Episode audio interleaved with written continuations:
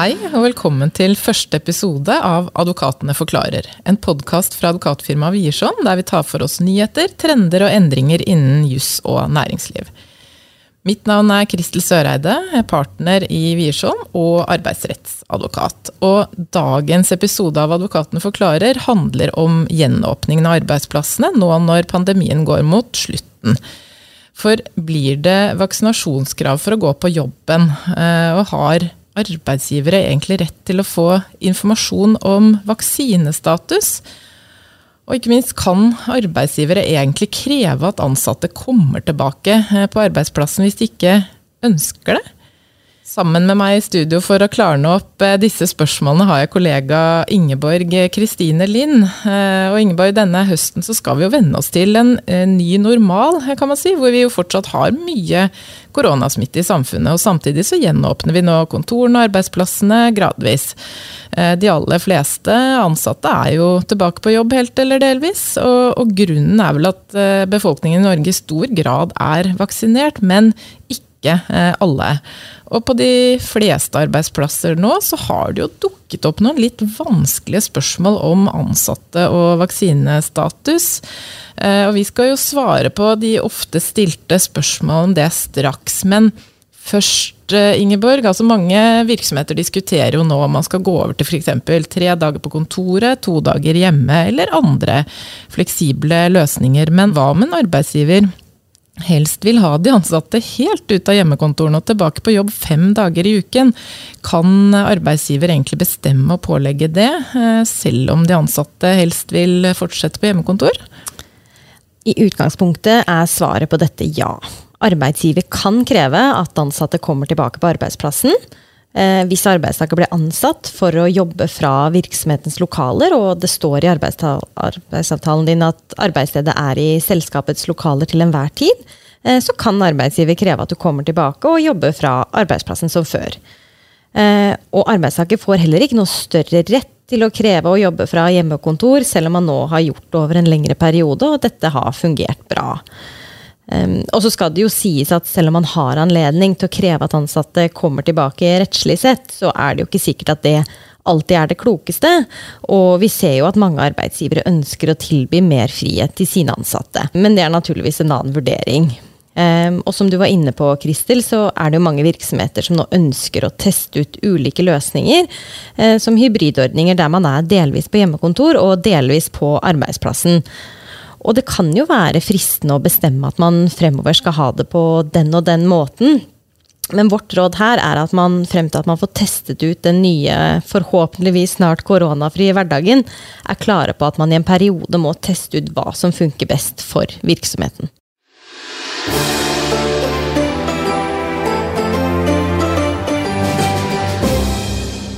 Men selv om vi nå har hørt at arbeidsgiver i utgangspunktet kan bestemme om arbeidstakere skal komme tilbake på hjemmekontoret, så er det jo ingen regel uten unntak, Kristel. Nei, sånn er det jo ofte på, på, dette området. Og det er jo selvfølgelig sånn at det er jo ansatte som kanskje hadde avtaler om eh, bruk av hjemmekontor før korona kom, og, og det, de gjelder jo fortsatt. Og for så vidt også et annet unntak er jo der mange har særlig uavhengig stilling. Og en uansett en viss fleksibilitet å bestemme hvor og når eh, de jobber. Men eh, det vil nok også være enkelte unntak der eh, virksomheten kanskje ikke kan ivareta nødvendige HMS- og smittevernkrav overfor ansatte med spesiell risiko. Det kan være uvaksinerte, f.eks. gravide. Så noen unntak vil det nok være. Men altså klar hovedregel, som du sier, Ingeborg. Ansatte må tilbake på jobb hvis arbeidsgiver bestemmer det. Men eh, hva med det motsatte, Ingeborg? Altså, hva om arbeidsgiver vil eh, redusere kontorlokalene f.eks., og vil at ansatte bare skal jobbe hjemmefra? Eh, kanskje he helt fullstendig, eller annenhver uke. Som en permanent ordning, sånn at man slipper å ha plass til alle på jobb. Må ansatte finne seg i det, eller kan arbeidstakere kreve å få jobbe fra kontoret? Her så tenker jeg at vi må, vi må, starte med å påpeke at det er en forskjell på å gå over til en permanent hjemmekontorordning helt eller delvis, og den midlertidige situasjonen vi har hatt under korona med myndighetspålegg om å jobbe hjemmefra. Og for arbeidstakere som ble ansatt for å jobbe fra selskapets lokaler, og det står i arbeidsavtalen, så vil en overgang til permanent hjemmekontorløsning innebære en så stor endring at arbeidsgiver og arbeidstaker må bli enige om det. Og blir man enige, så er det jo greit, men arbeidsgiver kan altså ikke bare uten videre pålegge hjemmekontor. Men det er ikke sånn at arbeidsgiver står helt uten midler hvis man ikke skulle bli enige. Dersom det er et reelt og saklig begrunnet behov for endringer, så vil arbeidsgiver kunne gå veien om det vi kaller endringsoppsigelser.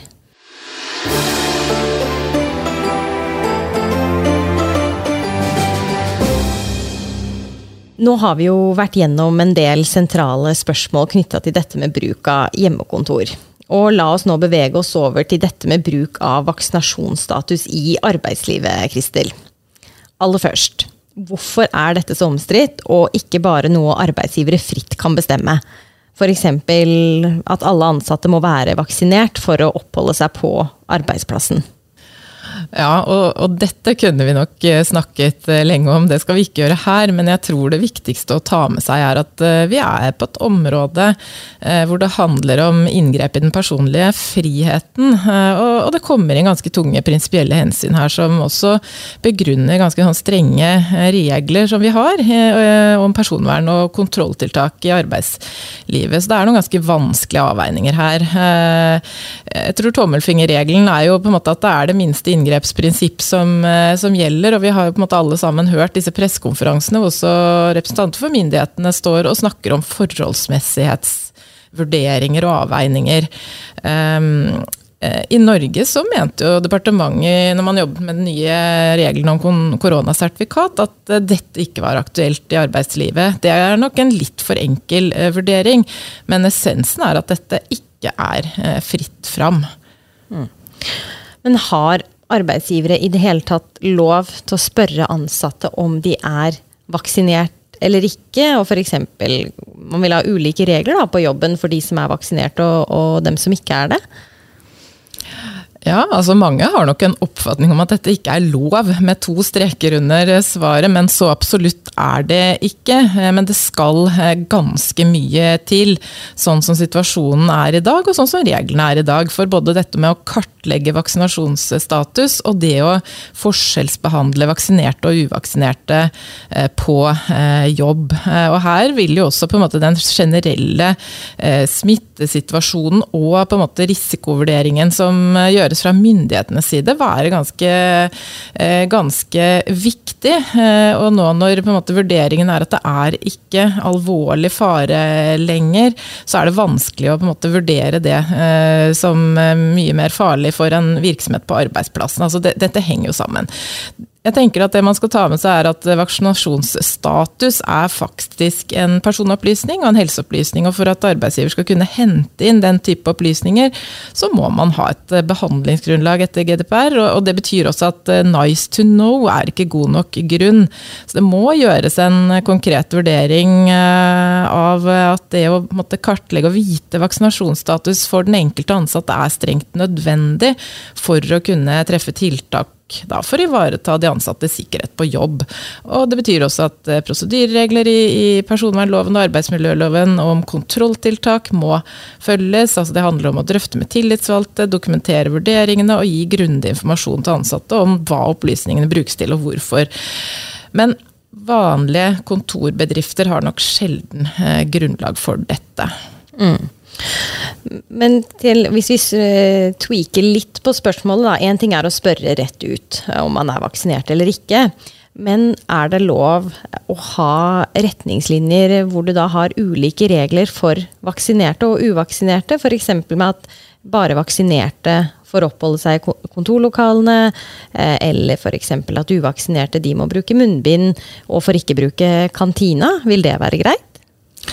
For de fleste bedriftene så er nok eh, svaret nei, sånn som situasjonen er eh, nå. Som jeg sa i stad, det er på en måte det minste inngrepsprinsipp som gjelder. Og i utgangspunktet så eh, vil andre tiltak som måtte, avstandskrav og, og hygieneregler osv. anses tilstrekkelig.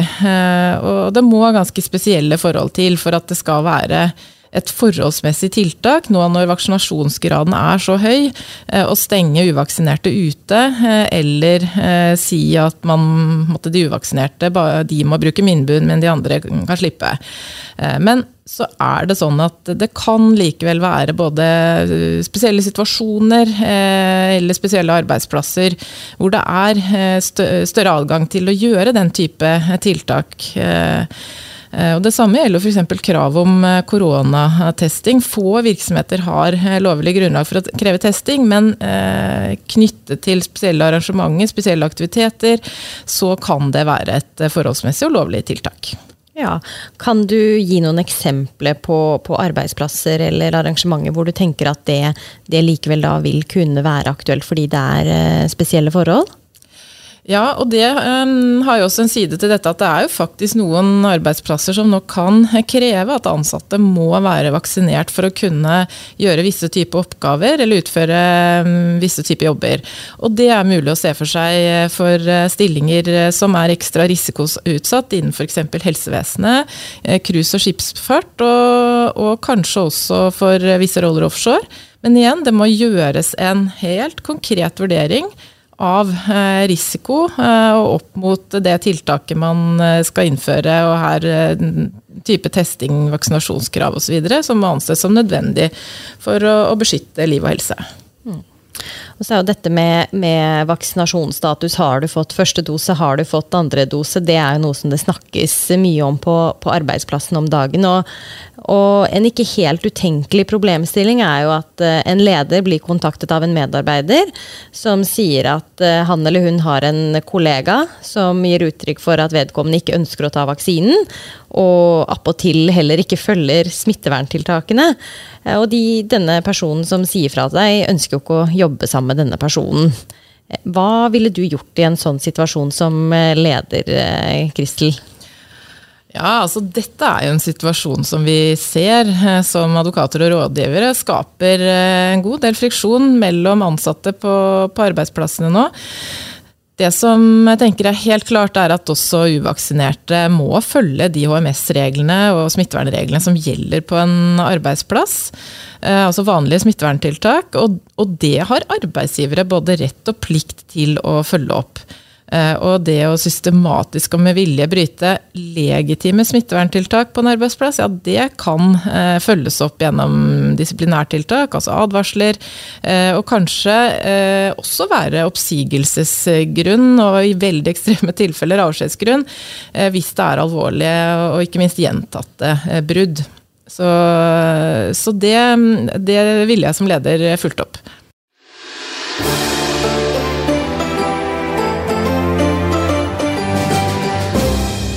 Helt til slutt, eh, Ingeborg. Vi har jo vært eh, inne på en del sånn skjønnsmessige vurderinger her, hvor, eh, hvor, det kan være litt uoversiktlig for arbeidsgiver hva som egentlig er lov og ikke lov på arbeidsplassen. Vi er jo i en situasjon som er litt annerledes enn det reglene kanskje ble laget for. Er det noen regelendringer vi kan vente oss her? Det er ikke utenkelig. På sensommeren eh, nå så har NHO oppfordra til debatt og dialog mellom arbeidsgiver- og arbeidstakerorganisasjonene om bruk av nettopp vaksinepass i arbeidslivet. Og, og jeg tror at det vil kunne føre til regelendringer, men, men det gjenstår jo å se.